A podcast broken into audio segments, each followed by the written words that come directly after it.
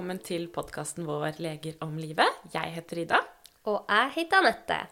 Og vi ønsker å gjøre nyttig og god kunnskap lett tilgjengelig for alle. Ja, det ønsker vi virkelig.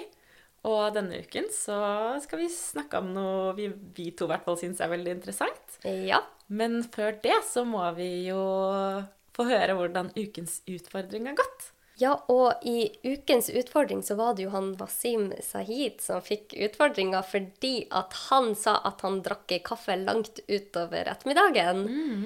Så han eh, skrev meg melding og sa at det hadde gått supert. Og eh, da får vi bare håpe han har fått kjempegod eh, søvn eh, som følge av eh, hans eh, nye vaner. Ja, det håper vi virkelig. Ja, og i dag så skal vi jo snakke om fett. Ja, det er så spennende tema. Det er noe vi brenner for òg, fordi at fett er viktig for oss. Det er det, så jeg gleder meg så mye til å høre hva denne eksperten på fett har å si.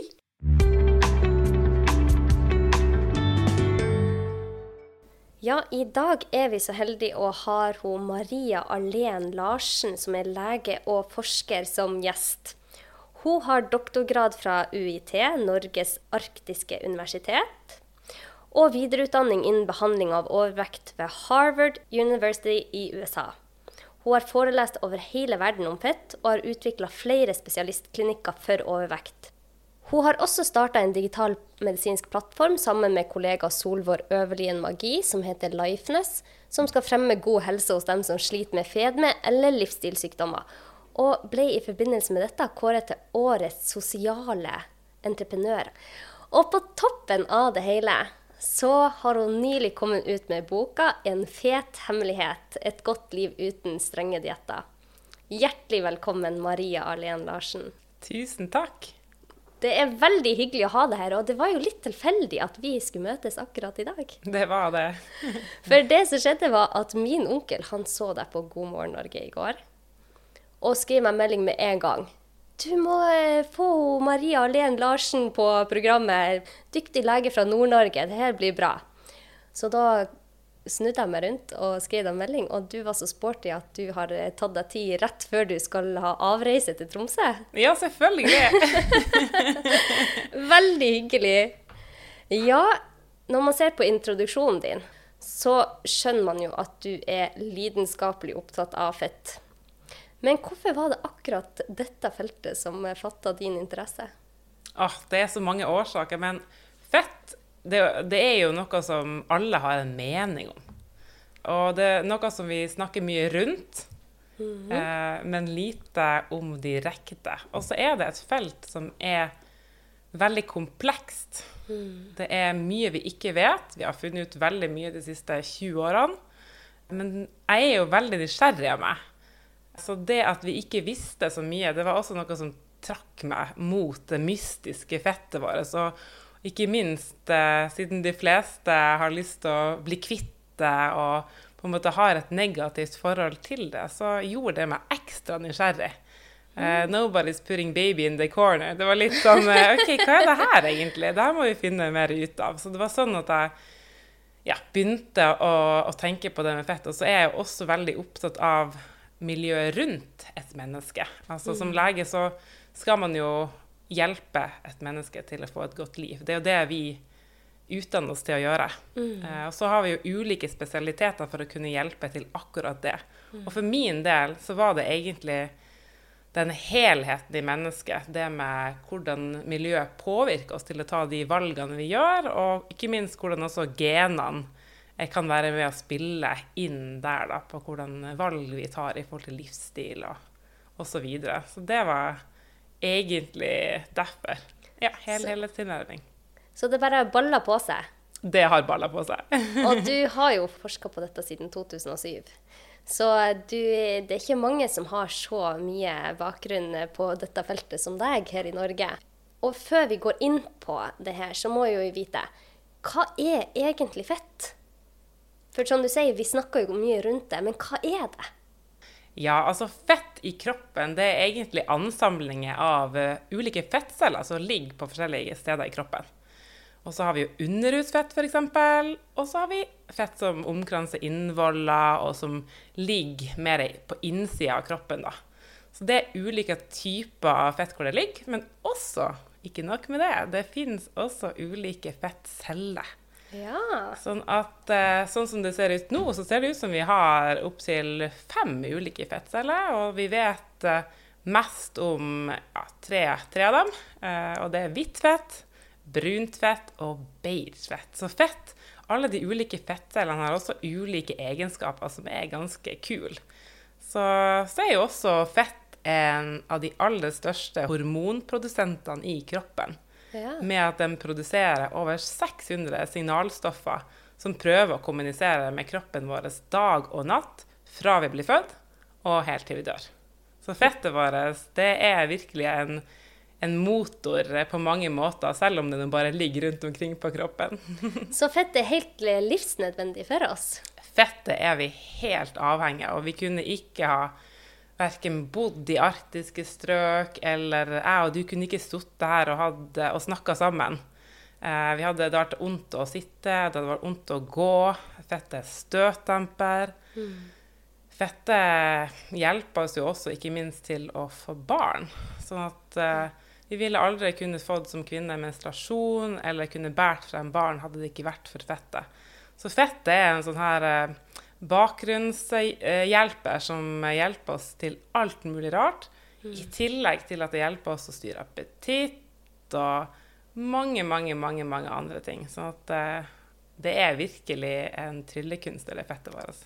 Vet du, Jeg blir så glad av å høre dette, Maria. Det er så bra, for det, vi har hørt så mye negativt om fett i, over så lang tid. Så det er så fint at man kan eh, sette pris på det òg. Og hjernen vår består jo av 60% fett, stemmer ikke det? Det stemmer. Hvorfor er det sånn? Altså Hjernen vår den er jo ekstremt økonomisk. Altså, det er egentlig kroppen også. Ja. En, kroppen vår er smart. Og tenk bare på alle de tingene som vi gjør uten å tenke over det. Så f.eks.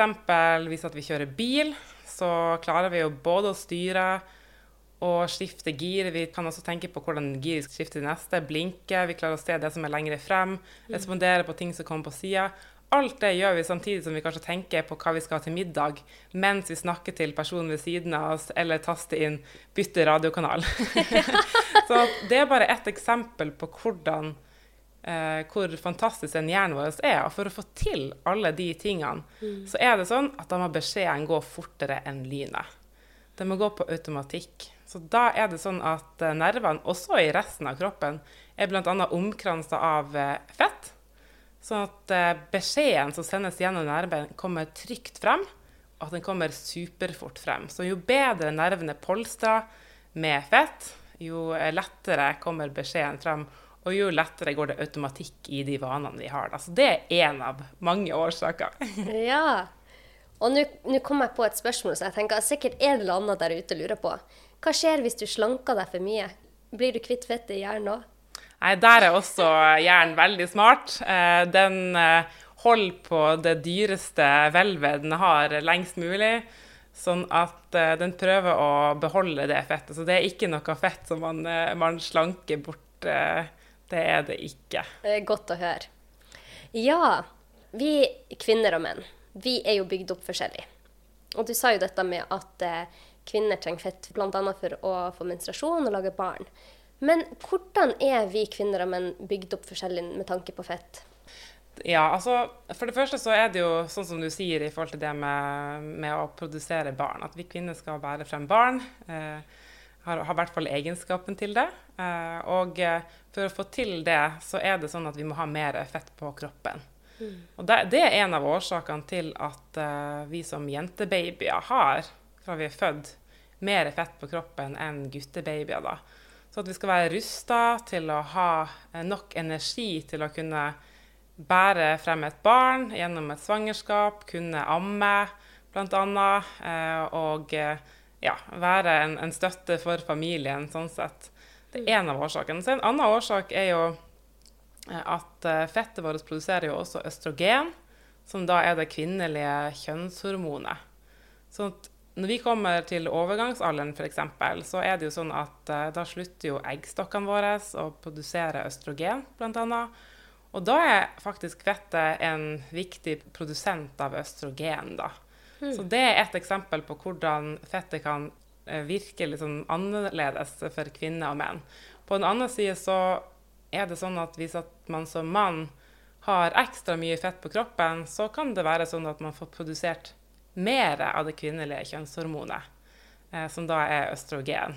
Og da kan fettet begynne å legge seg på andre plasser enn det som er normalt for menn. F.eks.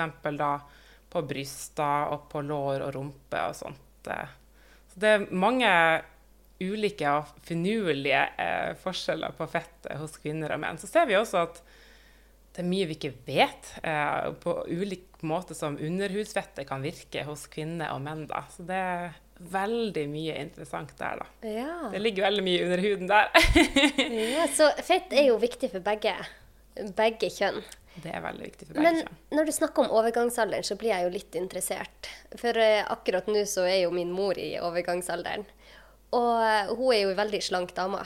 Bør hun ha litt ekstra fett etter overgangsalderen for å produsere mer østrogen, da? Altså Kroppen ordner som oftest opp i det der sjøl, så at vi skal slippe å tenke på det. For det er jo sånn at i løpet av livet så mister jo vi litt muskelmasse hvert år. Og etter hvert så vi både som kvinne og som mann da. Eh, og da vil det jo også være lettere å legge på seg for at man får litt mindre forbrenning etter hvert som man blir eldre. Mm. Eh, og, og, det er klart at når man da kommer til overgangsalderen, så siden at fettet er, blir en viktigere produsent av østrogen, så vil det kunne oppleves for noen kvinner at liksom fettet sitter litt mer fast, og at det legger seg på andre steder på kroppen enn det har gjort tidligere, f.eks. mer på magen. Så det er en, en, av teoriene til at, at, fettet kanskje sitter litt mer fast, og kanskje skal man ha litt mer eh, fett eh, når man blir eldre. Og det må jeg også bare understreke at, at når man blir eldre, så, så, kan det også være en fordel å ha litt ekstra. Det med å være undervektig når man blir eldre, eh, er ikke noe eh, som kroppen eh, liker. Det er det for så vidt ikke ellers i livet heller. Men det å ha litt ekstra, det er ikke noe krise, det. Eh, jeg vil også bare understreke at eh, når det gjelder Vi snakker jo om Vi klassifiserer jo fedme, overvekt og normalvekt som med en noe som heter kroppsmasseindeks, eller bedre kjent som body mass index, BMI. da. Mm.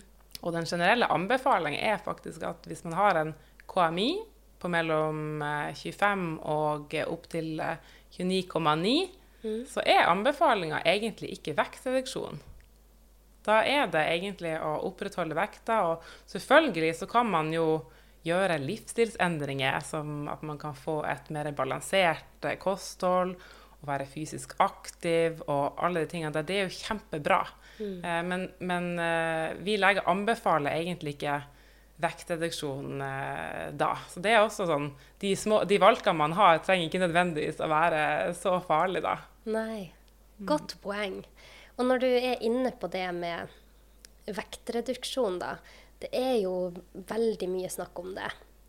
Og du skriver i boka di at hver fjerde mann og godt over hver tredje kvinne forsøke å gå ned i vekt. Og det er beregna at vi kvinner prøver oss på 126 dietter i løpet av livet. Og jeg blir jo nesten litt lei meg av å lese dette. Har du noen råd til de som er på en, enda en slankekur, eller noen som har gitt opp nok en kur? Ja, altså Det første rådet mitt er jo selvfølgelig løp og kjøp boka mi 'En fet hemmelighet et godt liv uten strenge dietter' på butikken. For det var jo akkurat derfor jeg ville skrive den boka. For at de menneskene som jeg møter når jeg jobber eh, i spesialisthelsetjenesten eh, med overvekt, mm. så kommer de til meg i siste instans. Det vil si at de har vært hos fastlege, de har vært på sykehus, eh, så kommer de på overvektsrehabilitering. Og de menneskene har jo da også, som veldig mange andre, vært på mange, mange dietter. Mm. Men det har jo ikke fungert. Mm. Og det gjør det sjelden for eh, oss mennesker som går på dietter. De fleste faller av etter to uker, faller man ikke av eh, etter to uker, så faller man eh, i alle fall av etter tre måneder. Det er det statistikken eh, sier. Så det som det viktigste å tenke på, er jo hvorfor gjør man det? Sant? Selvfølgelig er det fristende å lese en artikkel i avisa der man ser at gikk ned 40 kilo. Eh, lett som en lek. Eh, ja, sånt, eh, man- Alle har lest den artikkelen. alle har lest den. Eller 'brenn bort magefettet på to uker'. Ja, ja, ja. Eh, slik blir du kvitt eh, 10 kilo i løpet av så og så lang tid. Altså, det her er jo artikler som vi, vi ser regelmessig, og det er klart, det, kan jo, det trigger jo hos oss. Eh, og vi, man blir jo vant til å Man blir fort frista. Eh, det, det er jo en sånn slags eh, trigger da, til at man tenker, å, kanskje det kan gjelde meg. ikke sant? Men det vi glemmer, er å faktisk gå litt dypere i oss sjøl og tenke hvorfor er det egentlig jeg vil det? Så mitt første råd er å begynne å tenke på hvordan livet det egentlig jeg vil ha. Faktisk løfte blikket litt. Hvorfor ønsker jeg eventuelt å gå ned i vekt? Er det fordi at eh, jeg ønsker å bli lettere? Er det fordi at jeg har lyst på mer energi? Er det fordi at jeg har lyst til å senke risikoen for sykdommer? Kanskje er det fordi jeg har lyst å knytte skolissene mine, eh, klare å bøye meg ned. Eller er det fordi jeg har lyst på mer energi til å, å leke med barna mine eh, og klare det. Så det å begynne å tenke på ikke bare jeg vil gå ned xx antall kilo, men begynne å tenke på den indre motivasjonen, den egentlige bensin man har til å faktisk gjennomføre den endringa, det å jobbe litt med det, det er viktig. Og når man har gjort det, så er det jo å gå litt videre og faktisk sette seg mer spesifikke mål, da. Man må liksom vite hvor man skal. Og så vil jeg jo også si til alle sammen at husk nå på den verktøykassen du har med deg. Der er det mye erfaring. Sant?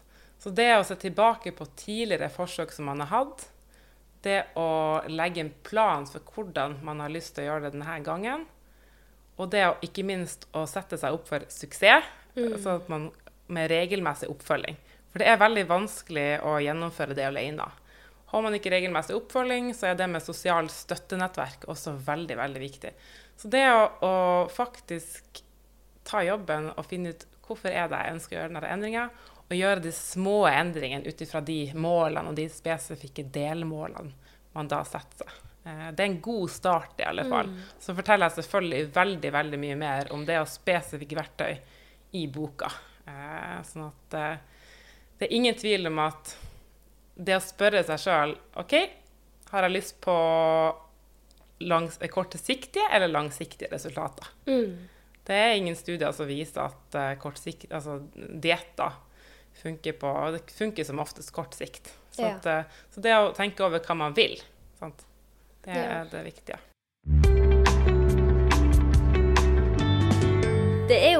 Ikke uten grunn at veldig mange har et negativt forhold til fett.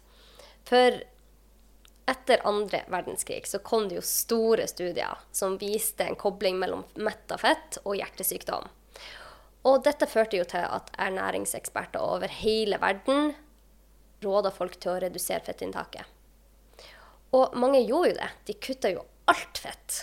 Og ofte så spiste de heller mer karbohydrater. Og disse kampanjene skulle jo gjøre oss friskere og sterkere og slankere. Men så skjedde jo det motsatte. Nedgangen i fettforbruk har vært ledsaga av mer overvekt og fedme.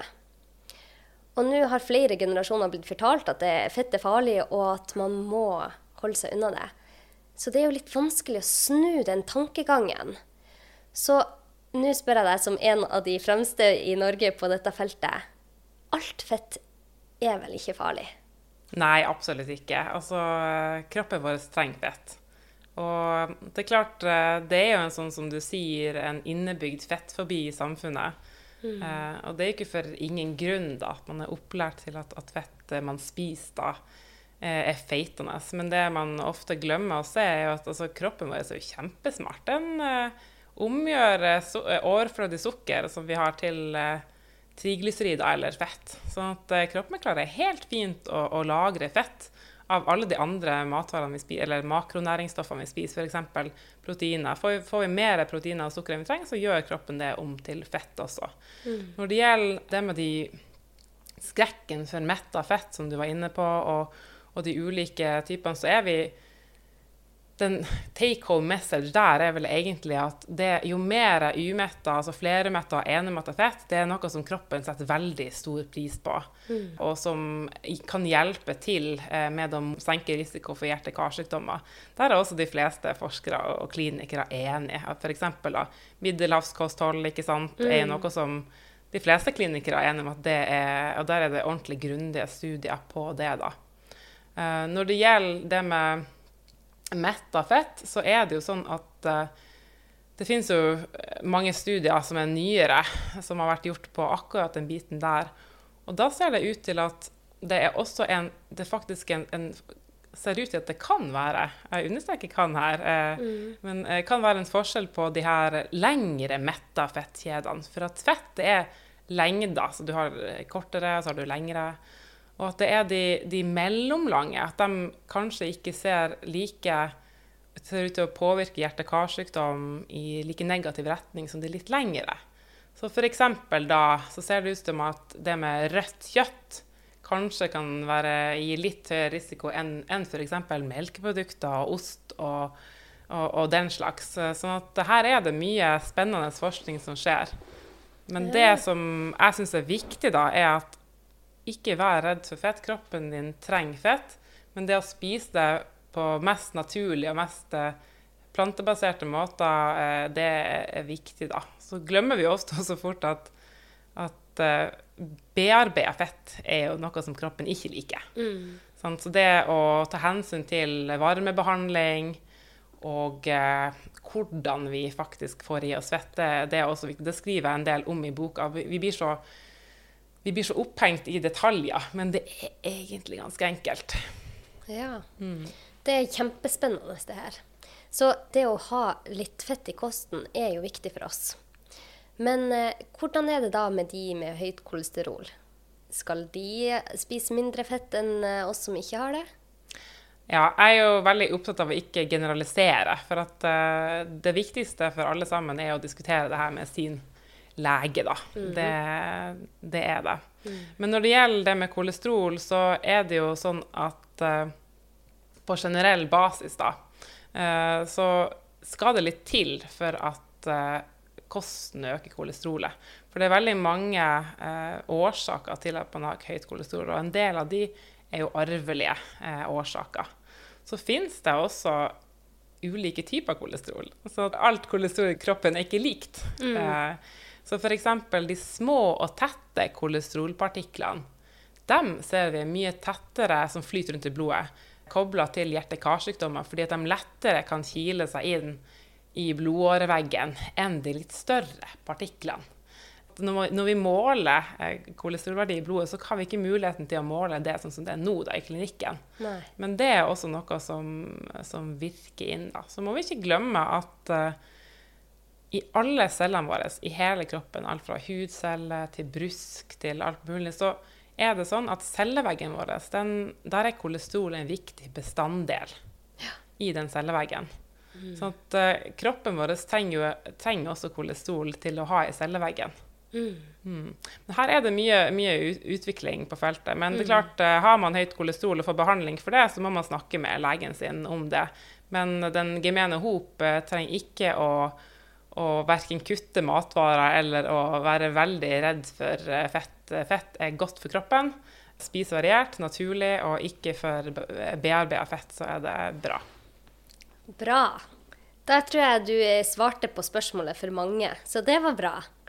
Men hva gjør du selv, da, for å opprettholde en god helse? Altså, I forhold til min livsstil, det er jo litt sånn, skal det funke når vi snakker med livsstil, og man skal ha resultater på sikt, uansett hva målet er, om det er at man skal bli sterkere, eller om man skal løpe fortere, eller om man skal gå ned i vekt, så må det jo være tilpassa den livsstilen man har. da. Mm. Og i forhold til eh, min livsstil, da, så jeg er jo et menneske som er veldig glad i god mat. Jeg syns at eh, mat er til for å kunne nytes, og at man skal kunne ha matglede. Så det er min hverdag prega av. Betyr det at jeg har gourmetmåltid til frokost hver dag og lunsj? Nei, det gjør det absolutt ikke. Mm. Jeg har ganske eh, regelmessige rutiner i hverdagen, så at min hjerne ikke trenger å tenke til enhver tid Hva skal jeg spise til frokost i dag? Hva skal jeg spise til lunsj i dag? Mens eh, når jeg skal eh, kose meg eh, i helgen, eller på en mandag for, for den saks skyld, Ja. så jeg har lyst til det, så lager jeg god mat. Men jeg er jo jeg er hel- heldig sånn at Jeg er glad i å, å, å lage mat. eh, det er noe som jeg bruker, bruker litt tid på, da. Men ellers så er det jo det med bevegelse. Um, før så var jeg veldig aktiv med sport. Etter hvert som jeg har blitt eldre og jobber veldig mye, så er det, en, er det travle hverdager. Så der har vi ett eksempel på hvordan jeg har liksom egentlig ikke møtt meg sjøl litt i døra, men jeg var veldig Jeg skal dra på treningssenter, ikke sant, eller jeg skal eh, løpe. Det gjorde jeg mye av før. Nå har jeg mange jern i ilden, eh, og jeg har funnet ut at det som funker for meg, det er det jeg kan gjøre hjemme. Så da har jeg fått meg inn en rutine der jeg i starten så sa jeg til meg sjøl at OK, gjør eh, ti minutter hjemmetrening på gulvet hver morgen. Og så har jeg da utvidet det til et kvarter, noen ganger 20 minutter, og noen ganger ingenting. Så, Ja.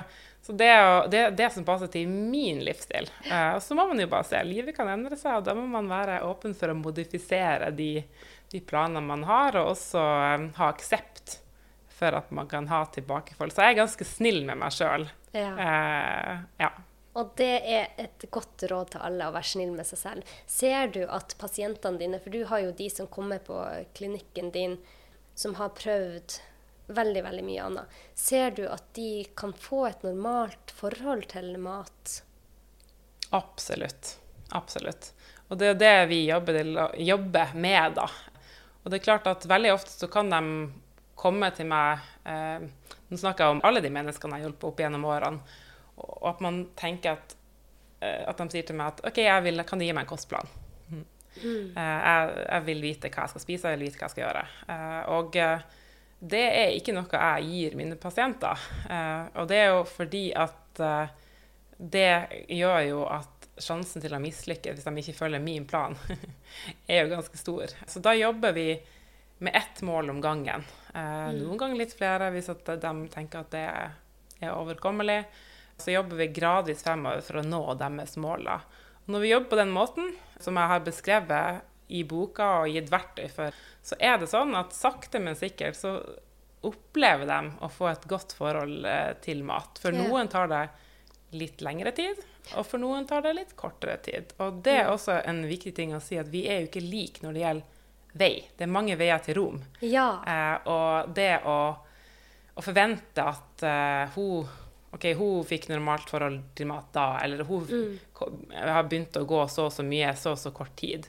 Vi må ha selvmedfølelse og aksept for at vi er forskjellige. ja. Sånn at vi kan være våre egne gode støttespillere og motivator eh, på veien. Hvis, hvis ikke så hvis ikke jeg har aksept for det, så det er vanskelig å ha bensin på bålet for å fortsette også. Og det er derfor også regelmessig oppfølging er viktig, så man kan ha en som kan hjelpe litt til med motivasjonen i de periodene med tilbakefall, eller at motivasjonen faller. For det med fall av motivasjon, det er vanlig. Det er jo, altså, det er ikke en, hvis du går på en diett, så går det bra inntil det ikke går bra. Men skal du ha en livsstilsendring, så er det jo eh, Da er tilbakefallene og fall i motivasjon en del av det. Men det er hvordan man raskt kan på en måte hente seg inn, og hvordan man snakker til seg sjøl i de vanskelige periodene, som er avgjørende om man klarer å fortsette. Ja, det er så fint du sier det. For det å ha et godt forhold til mat, det er så elementært, tenker jeg, for å ha det fint i livet. For at du er rundt mat hele tida. Og hvis du forbinder med noe negativt, så blir det mye negativt i løpet av dagen. Det er akkurat det. Hvis man går rundt og sier til seg sjøl nei, det skal ikke jeg spise, nei, det skal jeg ikke spise, så da tenker man ikke på noe annet heller. Eh, Nei. Da blir ikke livet noe særlig bra. Hvordan kan vi få barna våre til å få et godt forhold til mat? Har du noen tips der? Ja, altså Det er jo sånn at uh, når vi er barn, så er, er vi jo nysgjerrig på alt mulig. Så det å ha positive samtaler omkring mat og positive matopplevelser når man er liten, det ser vi er forbundet med et bedre forhold til mat når man blir eldre. Og det motsatte, f.eks. at mor går veldig mye på diett og deler veldig mye med det av barn, at barn ser det, eller at man da sier til barn nei, det er feitende, det skal ikke du spise, for du må passe på, eller at man får kommentarer om kroppen sin. Eh, da, ser, da viser studier at man kan få et vanskeligere forhold til mat senere, og f.eks.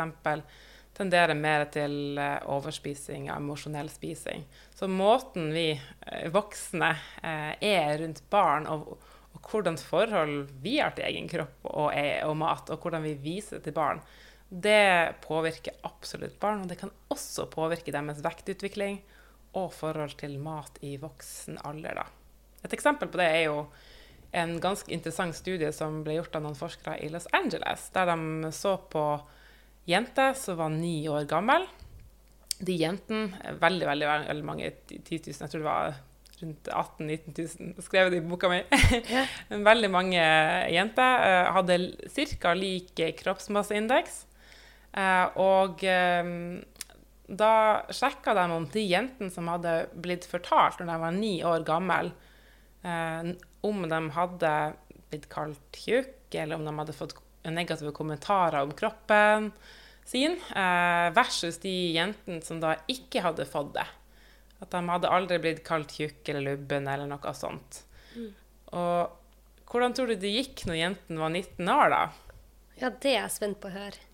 Ja, det som de fant ut, var jo at de jentene som hadde fått kommentarer om kropp eller fått beskjed om å slanke seg eller at de var lubben når de var ni år gammel, de hadde høyere sjanse for å havne i den kategorien som da hadde fedme mm. når de var 19 år gammel, versus dem som ikke hadde fått det.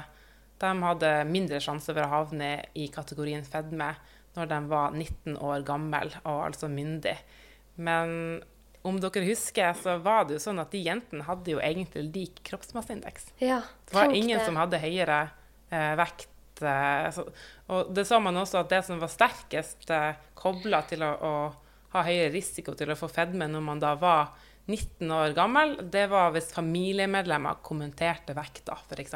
At en bestemor sa når du lagt på deg, eller en mor ja. sa at 'nei, den der sjokoladen skal ikke du ha' for du må passe litt på. Eller nei, du får bare ta et halvt uh, vaffelstykke fordi at du, du, må passe litt på. Så, så, måten vi voksne er rundt barn, eh, det, det, kan påvirke deres forhold til mat, og ikke minst vektutvikling etter hvert som de blir større. da. Kjempeviktig å få fram. Så det beste tipset er å, å, å forsøke så godt man kan å, å ha matglede og, og mm. positive opplevelser sammen med barna sine. Ja om mat. La dem få kanskje være med og lage mat, teste ut forskjellige ting. Eh, forsøk å ikke bruke for mye tvang, men eh, la unger få smake på ting flere ganger, for de holder jo på å utvikle smaksløkene mm. sine. Eh, det å ha oppkutta frukt og, og, vann tilgjengelig for drikke hvis de vil ha. Det å mm. ha måltid eh, rundt bord som familie. Alle de tingene der eh, kan være veldig positive. Det å å få dem til å faktisk digge den, den uh, funksjonelle og bra i kroppen sin uh, tidlig. Ja. Det, det, er noe som uh, kan ha effekt. Og så er det jo viktig, eller ser ut til å ha effekt. Og så er det jo også viktig å si at hvis at man har barn som man er redd for vektutviklinga på, eller har fedme, så er det en spesialistoppgave å behandle barn med fedme. Ja. Så da kan man få henvisning til det. Og da er det hele familien som, som skal endre vaner. Mm. Det er ikke barnet som skal slanke seg, eller som skal eh, endre livsstil. Da er det hele familien som må gå inn for å endre vaner. Mm. Takk for at du sier det. Kjempefint. Da tror jeg vi må runde av. Men jeg hadde bare et siste spørsmål til deg. Og det er Har du et siste tips rundt fett til de som hører på? Ja, absolutt. Og det er at eh, begynne å, å lære seg å, å, lære mer om fett, er kanskje det første steget for å kanskje begynne å bli litt mer glad i det. Ja. Og i alle fall i første omgang kanskje i hvert fall akseptere det og respektere det. For det er vanskelig å samarbeide med fettet hvis det er noe man misliker, og det viser all forskning. Så det er en fin start å få mer kunnskap om fettet og kroppen sin med å, å kjøpe boka mi, f.eks., og lære, lære mer eh, om, om, det. da. Så det er en, en, god start. Bra. Tusen takk for at du hadde tid til eh, å være med i podkasten vår. Tusen takk. Det var veldig hyggelig å være her. Og for de som hører på, finner du hun Maria på Instagram og på Facebook under Doktor Arlen. Og boka hennes 'En fet hemmelighet et godt liv uten strenge dietter' er å finne i alle bokbutikker og på nett.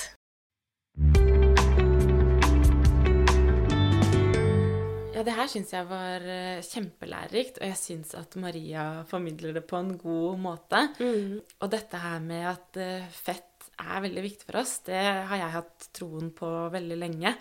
Og ja, som du sier i episoden, så har jo fett fått et ufortjent dårlig rykte, så jeg syns det er fint at vi kan spre litt sånn gode vibber rundt det nå.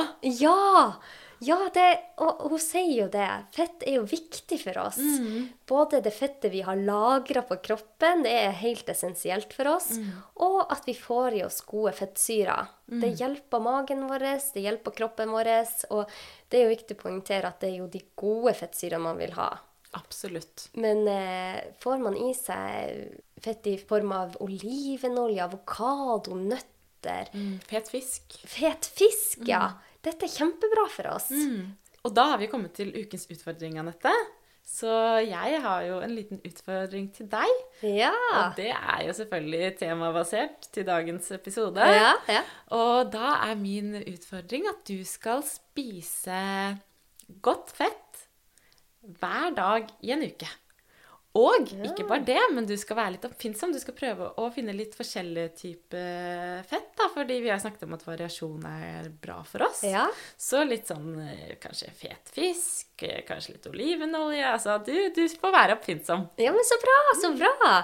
Det her er, det liker jeg, for jeg har veldig trua på at det er bra for meg, så det, den tar jeg imot med strak arm. Så bra. Ja, men Da gleder jeg meg til å høre hvordan det har gått. Ja. Og da ønsker vi lytterne våre og deg, Ida, en fantastisk fin uke. Ja, i like måte. Tusen takk. Ja, så håper vi at eh, dere fikk noe ut av dagens episode. Så høres vi igjen eh, neste uke, forhåpentligvis. Eh, og hvis dere ønsker å få med dere ukentlige oppdateringer på episodene, så er det bare å trykke på abonner, så kommer de opp hver uke. Enkelt og greit. Og hvis dere har lyst til å ta kontakt med oss for eh, spørsmål eller tips til episoder dere ønsker, så er det bare å ta kontakt med oss på legeromlivet.gmail.com, eller Instagram og Facebook er vi også på.